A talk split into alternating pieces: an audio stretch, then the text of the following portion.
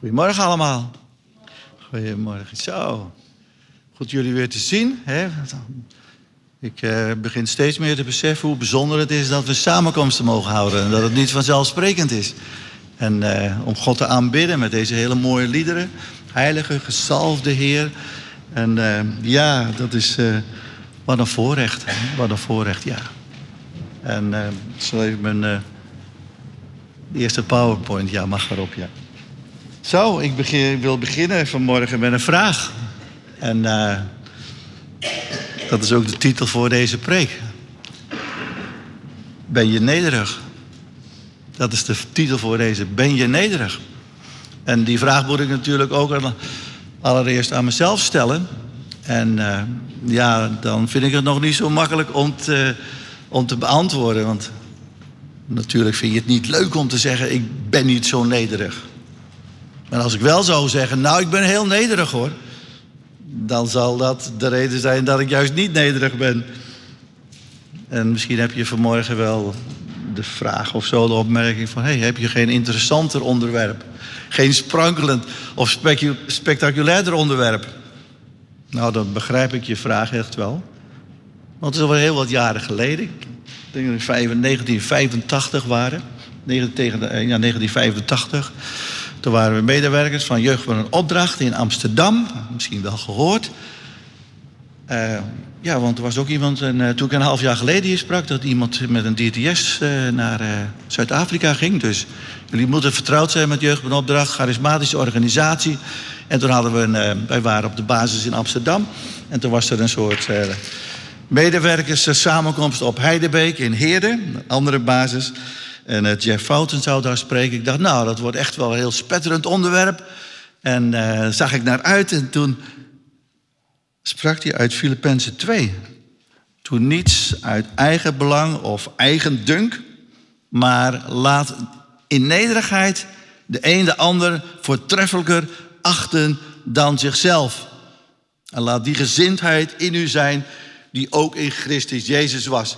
Nou, ik voelde maar niks, kinderen. Maar later, later, zoveel jaren later, ben ik gaan ontdekken dat het wel een heel belangrijke boodschap was. De gezindheid van Jezus. Nederigheid. Een vraag. Want over wie sprak Jezus eigenlijk? Toen hij zei. Dat is de vraag. Ja. Toen hij zei. Voorwaar, voorwaar, ik zeg u. Ik heb zelfs in Israël zo'n groot geloof niet gevonden. Zo'n groot geloof heb ik nog niet gevonden. In heel Israël niet. En over wie sprak hij toen? Over? Ja, Romein, Romeinse hoofdstuk. In hoofdstuk eh, 8 van Matthäus. Daar staat er dat dus de knecht van de Romeinse hoofdman. die was ziek. En deze hoofdman die ging naar Jezus toe. En toen hij Jezus zag, toen zei hij tegen Jezus: Heere, ik ben het niet waard dat u onder mijn dak komt. Maar spreek slechts een woord en mijn knecht zal genezen zijn. Als dat geen houding van nederigheid is, dat een hoofdman zegt tegen Jezus: Ik ben het niet waard. En wat zegt Jezus dan tegen hem?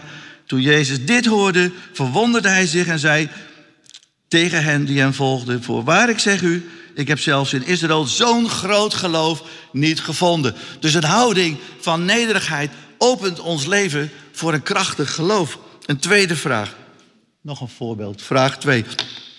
Over wie sprak Jezus toen hij zei: Deze man ging recht, gerechtvaardigd naar huis.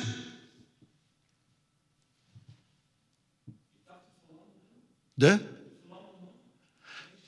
Nee, het was niet de verlamde man. Het gaat over een gelijkenis. En in deze gelijkenis, we vinden dat in uh, Lucas 18, gaat het over een tollenaar en gaat het uh, over een fariseer en een tollenaar. En wat zei de fariseer? De fariseer stond daar, hij stond daar in de synagoge of in de tempel en hij uh, bad: O God, ik dank u dat ik niet ben zoals al die andere mensen. En kijk eens allemaal wat ik doe voor u. En dan was er ook de tollenaar. En die zei, heel nederig. Hij bleef op een afstand staan. Hij wilde zelfs zijn ogen niet naar de hemel opheffen. Maar hij sloeg op zijn borst en zei, O God, Wees mij, de zondaar, genadig. In alle nederigheid. En tegen deze man zei Jezus, want een ieder die zichzelf verhoogt, die zal vernederd worden. En hij ging gerechtvaardigd naar huis. En vanuit een nederig hart, daar verbindt Jezus zulke geweldige beloften aan. Een van de beloftes, die hebben we dus hier al gelezen. Ik zeg u, deze man ging gerechtvaardigd terug naar zijn huis. In tegenstelling tot die anderen. Want ieder die zichzelf verhoogt, die zal vernederd worden. Maar wie zich vernedert, zichzelf vernedert, die zal verhoogd worden. En de tweede belofte, die Jezus aan nederigheid verbindt, of eh, de Bijbel aan nederigheid verbindt, staat in Jacobus. Hij echter heeft des te meer, geeft des te meer genade. Daarom zegt de schrift, God keert zich tegen de hoogmoedigen, maar aan de nederigen geeft hij genade. Verneder u voor de Heer en hij zal u verhogen. En nog een geweldige belofte. 1 Petrus 5. Wees niet, wees met nederigheid bekleed. Want God keert zich tegen de hoogmoedigen, maar de nederigen geeft hij genade. Verneder u dan onder de machtige hand van God, opdat hij u op zijn tijd verhoogt. En zo staat de Bijbel vol met beloften die gekoppeld zijn aan een nederige houding. De vraag is, waarom heb ik dan zoveel moeite met nederigheid? Ik weet niet hoe dat bij jullie is, maar ik vind nederigheid lastig. Een nederige houding. En terwijl er zulke geweldige beloftes aan verbonden zijn. Waarom? Terwijl er zoveel kracht van nederigheid uitgaat.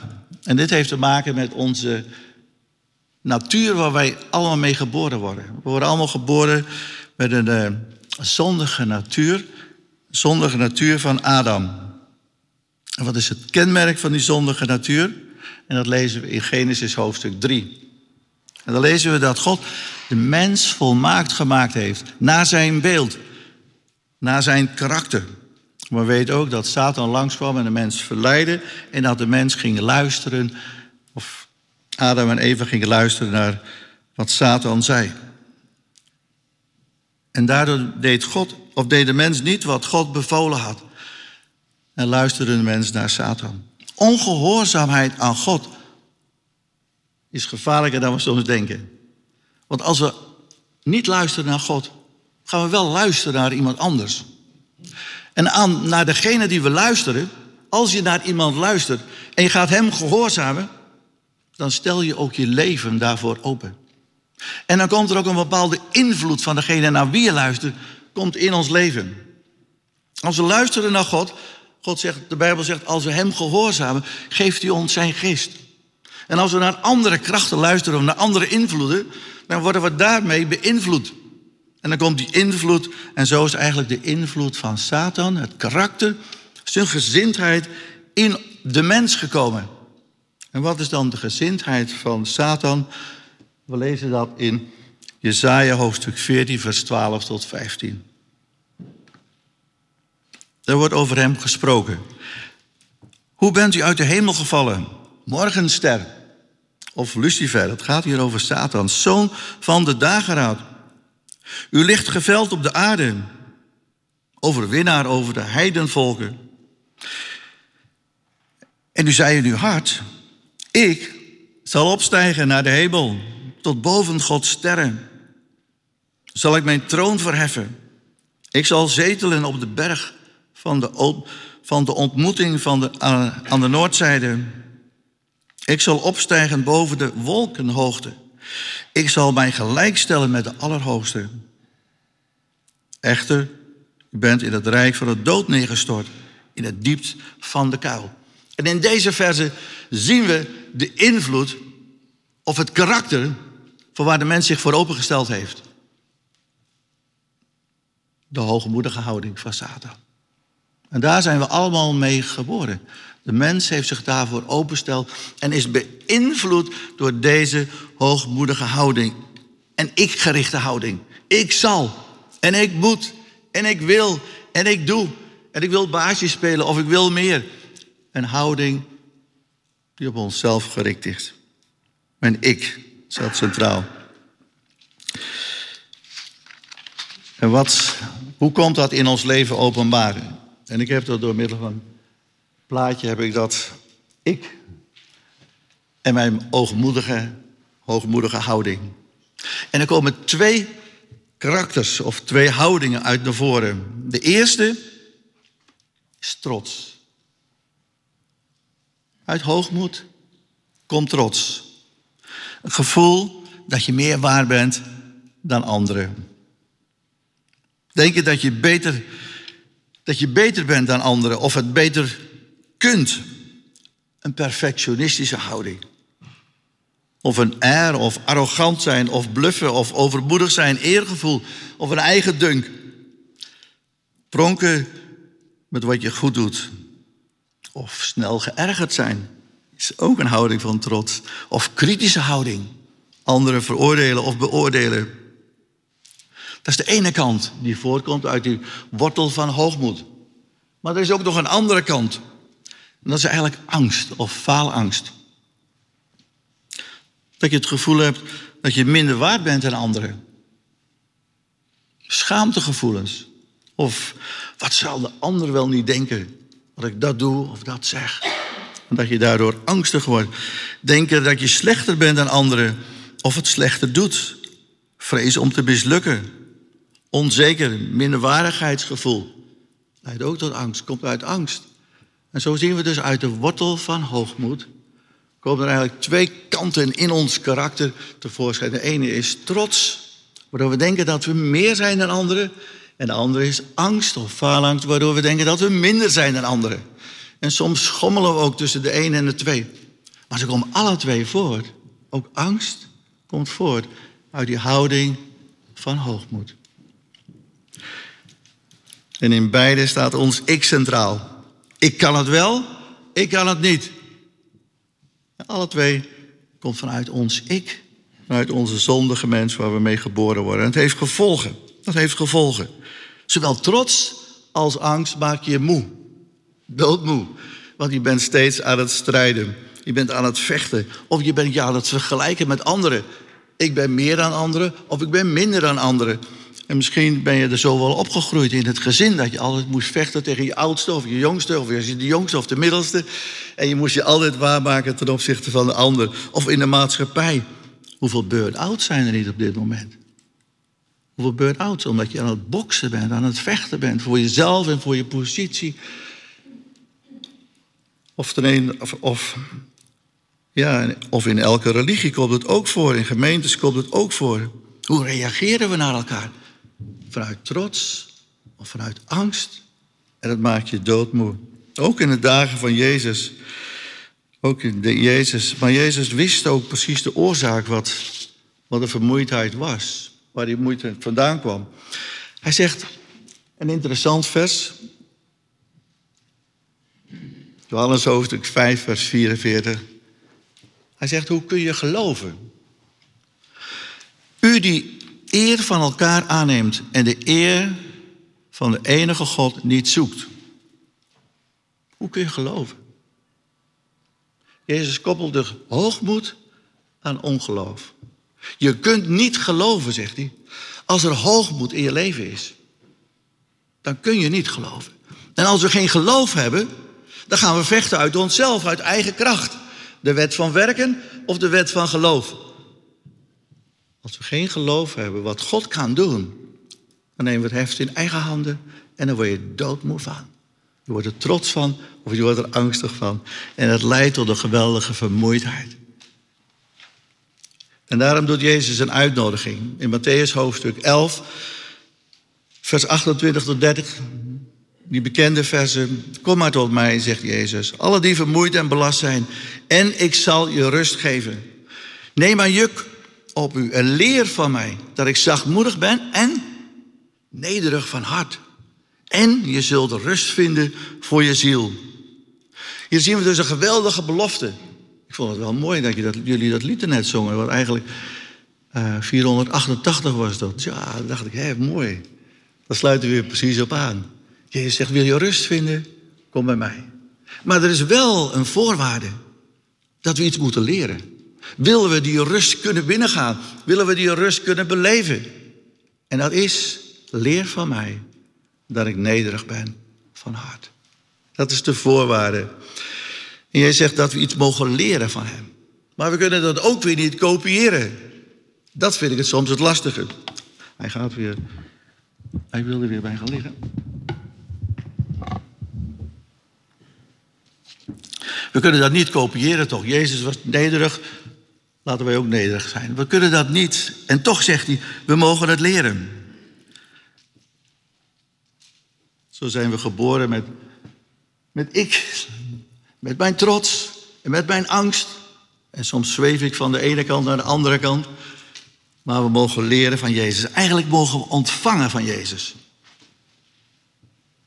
Hij is voor ons gestorven aan het kruis. En als we ons hart, ons hart, waarin dus die houding zit van trots en van angst en van hoogmoed, aan Hem geven en zeggen, Heer, ik geef mijn hart aan U, dan wordt ons hart opnieuw geboren door het geloof in Hem. Ontvangen we een nieuw hart, waarin de gezindheid van Jezus komt. En zo mogelijk dagelijks leven vanuit het kruis bij Jezus. Gewoon dagelijks zeggen, Heer Jezus, hier ben ik. Ik buig mijn knieën voor u. Ik aanbid u als mijn Heer. Ik ontvang uw nederigheid. En ik wil vervuld zijn met uw Heilige Geest. Want dat is de gezindheid. De Heilige Geest is een nederige geest. Het is de houding van nederigheid. En als wij vervuld worden met de Heilige Geest, dan komt de nederigheid, de gezindheid van God, zoals hij ons gemaakt heeft, komt weer in ons. En zo mogen we leren van Jezus. Eigenlijk niet kopiëren, want daar word je ook doodmoe van. Maar zeggen, Heer Jezus, kom maar met uw geest. Ik buig voor u. En dan komt de geest van Jezus. En geeft ons de gezindheid van Jezus, van het lam. Dat is meer dan een bepaalde cultuur van nederigheid. In sommige landen is gewoon een nederige houding. Bijvoorbeeld de Aziatische landen. Dat is gewoon, gewoon heel nederig. Maar dat is buitenkant, dat is karakter. Of de een is wat meer bescheidener dan de ander. Maar dat is ook een karaktertrek. Maar waar we hier over spreken is echt de nederigheid, de gezindheid van Jezus. Die we niet van onszelf hebben, maar die we wel mogen ontvangen. En wat betekent dat nu in de praktijk? Hoe werkt dat nou in de praktijk? Wat gaan we daarvan zien? Wat gaan we daarvan zien? En ik doe dat aan de hand van uh, Matthäus hoofdstuk 5. En dat is de bergreden. Daar spreekt Jezus tot zijn uh, discipelen als hij met, met hen op de berg is. En dan zegt hij een aantal dingen. En eigenlijk al die dingen die hij daar zegt, komen voort uit een nederig hart. We gaan ze bespreken. De eerste is hoofdstuk 5, Matthäus 5, vers 3. Zalig zijn de armen van geest. Want voor hen want voor hen is het koninkrijk der hemelen. Eigenlijk staat er, zalig zijn de eenvoudigen. Zalig, zalig zijn de nederigen van hart. Het gaat hier eigenlijk om kinderlijk geloof en kinderlijke eenvoudige houding. Want in Matthäus hoofdstuk 18 zegt Jezus tegen de kinderen... Uh, wie zich dan zal vernederen als het kind... die zal de belangrijkste zijn in het koninkrijk. Want het koppelt de gezindheid, de nederige houding ja, daardoor komt het koninkrijk zichtbaar. Dat vraagt om een nederige houding. We bidden, Heer, uw koninkrijk komen. Maar dat vraagt een nederige houding. Ik zal een voorbeeld geven. Ik las een keer een boek van uh, Jacques Theeuwen. Ik weet niet of jullie ervan gehoord hebben. Een zendeling. Um, ja, ik denk dat hij inmiddels, ik weet niet of hij nog leeft, maar goed, dat wel heel oud is. In de jaren 60, 50, 60 ging hij met zijn vrouw naar Nieuw-Guinea toe. En kwamen daar in een aantal stammen terecht, vertelden het evangelie en God deed geweldige grote dingen dat die stammen veranderden echt door de kracht van het evangelie. En op een gegeven moment kwam er iemand naar hem toe, naar Jacques toe en zegt eh, vanuit die stammen daar, hé, hey, er is iemand ziek bij ons. Mijn vrouw is ziek, of ik weet niet meer precies, in het gezin. Wil je komen voor haar bidden? Ja, maar uh, ja, uh, hij schrok er een beetje van dat ze die vraag stelde. Maar ja, maar het staat in het boek. Je hebt het ons zelf verteld. Het staat in het boek, het staat in de Bijbel. Hij kon eigenlijk niet terug en hij ging met haar mee. En hij bad heel eenvoudig, heel kinderlijk, want hij had het niet in zichzelf voor genezing. En die persoon die werd onmiddellijk zo door het gebed genezen. En een tijdje later kwam er weer iemand naar hem toe. En die vroeg: hey, er is iemand dood, gestorven. Ik dacht, getroffen door de bliksem, ik weet het niet meer precies. Wil je voor ons weer komen en bidden? Ja, maar zo, uh, hij schrok. Nog meer. Maar het staat in het boek. Jezus heeft het toch zelf verteld? En hij ging met hen mee. En in alle nederigheid bad hij voor die persoon. En die stond op uit de dood. En zo kwam dus door de tekenen en wonderen het koninkrijk van God werd zichtbaar. Maar door welke houding? Door de houding van eenvoud. Zalig zijn de nederigen, want zij zullen het koninkrijk van God zien. Een geweldige uitwerking. Voor tekenen en wonderen vraagt voor ons een eenvoudige, kinderlijke houding, zegt Jezus. De volgende die hij noemt, vers, eh, vers 4. Eh, Zalig zijn zij die treuren. Een tweede kenmerk van nederige houding is: je bent pijn en verdriet en je bent bewogen voor de nood in de wereld. Wat is er een nood in de wereld? Wat een nood is er in de wereld? En hoe kijken we daarnaar? Vanuit een trots hart zijn we vaak oordelend. Jongen, jongen, eigen schuld, dikke bult. Of uit angst van wat gebeurt er allemaal niet. Hoe kijken wij eigenlijk naar de tv's of naar het journaal? Als we om dingen voorbij zien komen. Kijken we dan kritisch? Oordelend soms?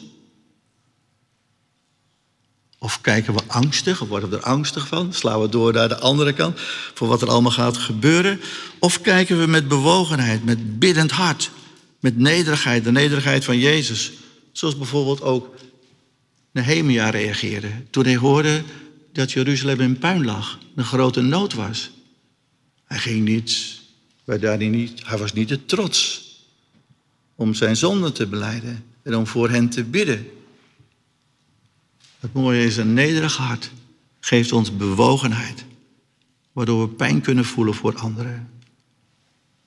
Dat ook een kenmerk, vooral in deze tijd.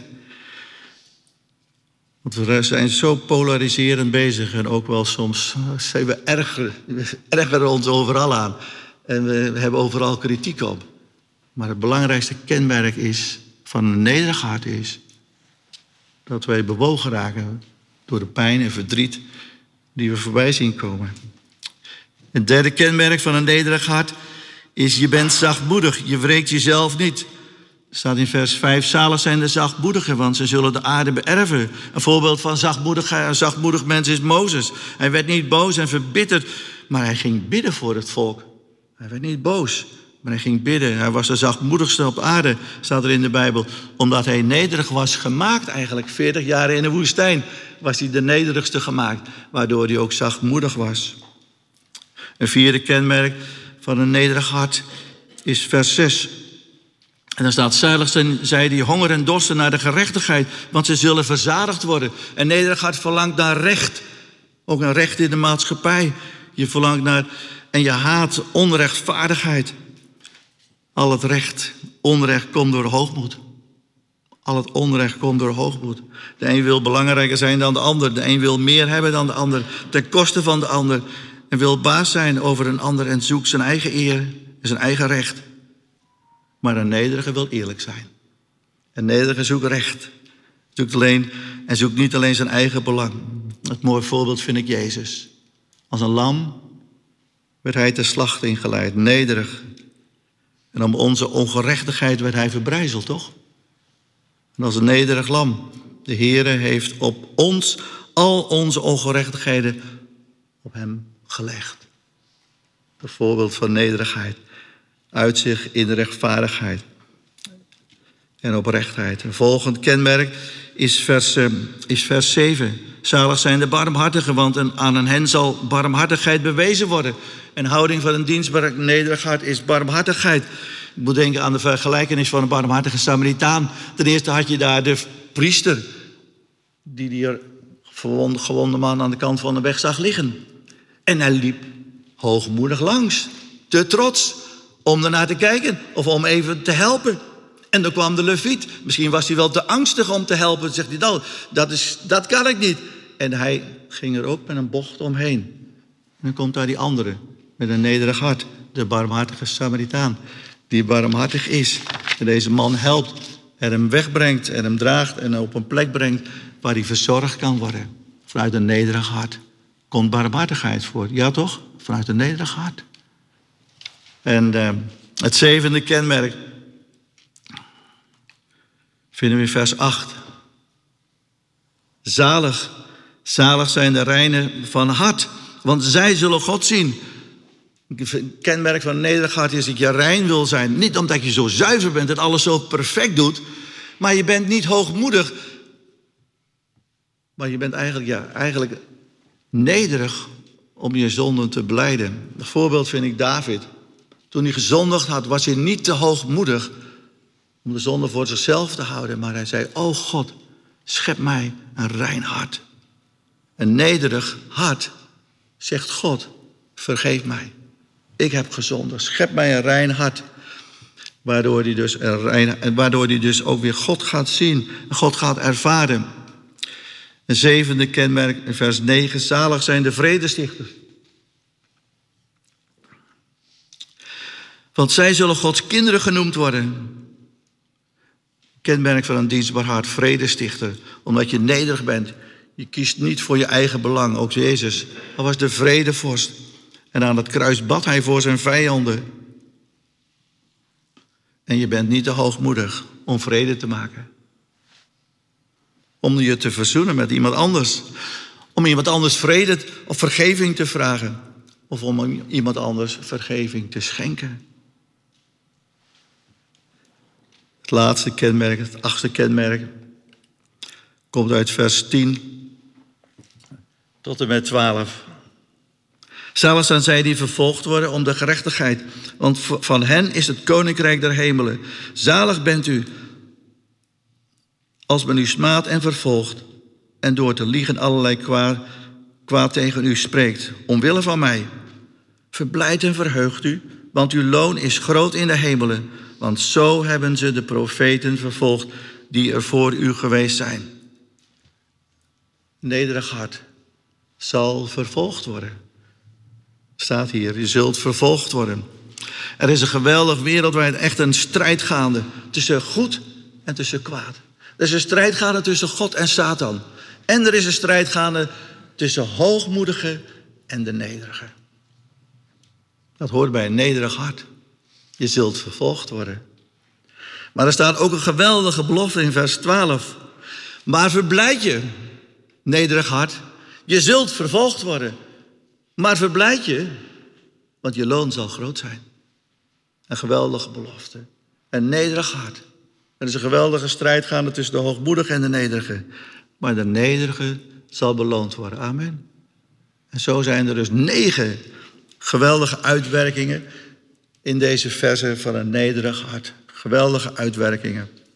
Negen keer staat er, je zult gezegend worden. Dan heb ik nog één dia wat daarvan de uitwerking is. En uh, dat is vers 13 tot en met 16. Een nederig hart. Wat komt er vanuit? Wat komt er uit voort? Waarin een gemeente, waarin het nederige hart echt een geweldige plek heeft. Er staat, u bent het zout, door nederigheid ben je het zout van de aarde. Maar als het zout zijn smaak verloren heeft, waarmee zal het gezouten worden? Het deugt nergens meer voor dan om weggeworpen en door de mensen vertrapt te worden door nederigheid ben je het licht van de wereld. Hoe was het thema ook weer voor de, voor de jeugddienst? Laat je licht schijnen of zo, hè? Of, uh, ja. Vanuit een nederig hart. U bent het licht van de wereld. Een stad die bovenop een berg ligt, kan niet verborgen zijn. En ook steekt men geen lamp aan en zet die onder de korenmaat, maar op de standaard. En hij schijnt voor alle die in het huis zijn. Laat uw licht zo schijnen voor de mensen dat zij uw goede werken, door nederige, uw nederige goede werken zien en uw Vader die in de hemelen is, verheerlijken. Een nederig hart schijnt. Een nederig hart is als zout. En een nederig hart is een hart wat de Vader verheerlijkt. Amen. Dat is de Vader verheerlijkt. God wordt erdoor verheerlijkt. Een nederig hart is de weg naar herstel. Een nederig hart is een weg naar herstel. Is de weg vooruit. Voor je persoonlijk in je relatie met God. Het, het geeft een boost aan je geloofsleven. Het is de weg naar herstel in je huwelijk. Een hart van nederigheid. Dat je de minste wil zijn ten opzichte van je man of je vrouw. Het is de weg naar herstel in je gezin. Naar je kinderen toe of familie. En het is de weg naar herstel in een gemeente. De weg van nederigheid. Het is de weg van herstel in de maatschappij. Want dit staat compleet haaks op de geest van onze maatschappij waarin we leven. Waar iedereen zijn eigen gang wil gaan en het helemaal uit de hand gaat lopen. En het is de geest, ja, het is de houding waardoor het koninkrijk van God zichtbaar gaat worden. Door geloof. En het is een keuze. Het is een keuze. In Sefania hoofdstuk 2 vers 3 staat, zoek nederigheid. Het is een opdracht. Het is iets wat we moeten zoeken met elkaar. Had net over jeugd een opdracht in Amsterdam, waar we toen uh, mochten werken, mochten dienen, ongelooflijk veel geleerd hebben. En daar was Floyd McClung was toen daar de leider van. En uh, ik weet niet of je daar wel eens van hem gehoord hebt. Maar als dat een nederig leider was. Hij was heel groot, fysiek. Maar in zijn hart was hij echt een nederig leider. Een paar maanden geleden is hij overleden. En een van zijn uitspraken was: We kunnen ons met ons hele hart slechts op één persoon tegelijk focussen: op onszelf of op Jezus Christus. En dat is een keus die we moeten maken. Focussen we op onszelf, vanuit onze hoogmoed, vanuit onze ik? Of zijn we gefocust alleen op Jezus Christus?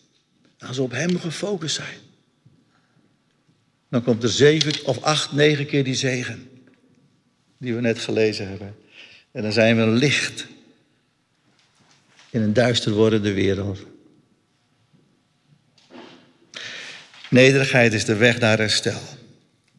Zullen we bidden met elkaar? Gewoon een moment dat je zegt, Heer Jezus, op wie ben ik gefocust? Ben ik gefocust op mezelf? Als het mij goed gaat? Als ik het maar goed doe? Als ik meer heb? Of zijn we gefocust op Jezus? Zijn we op Hem gericht? Heer, doorgrond en ken ons hart. Dat is mijn gebed op dit moment. Heer, doorgrond en ken mijn hart. En welke houding, uit welke houding leef ik? Leef ik uit u of leef ik uit mezelf?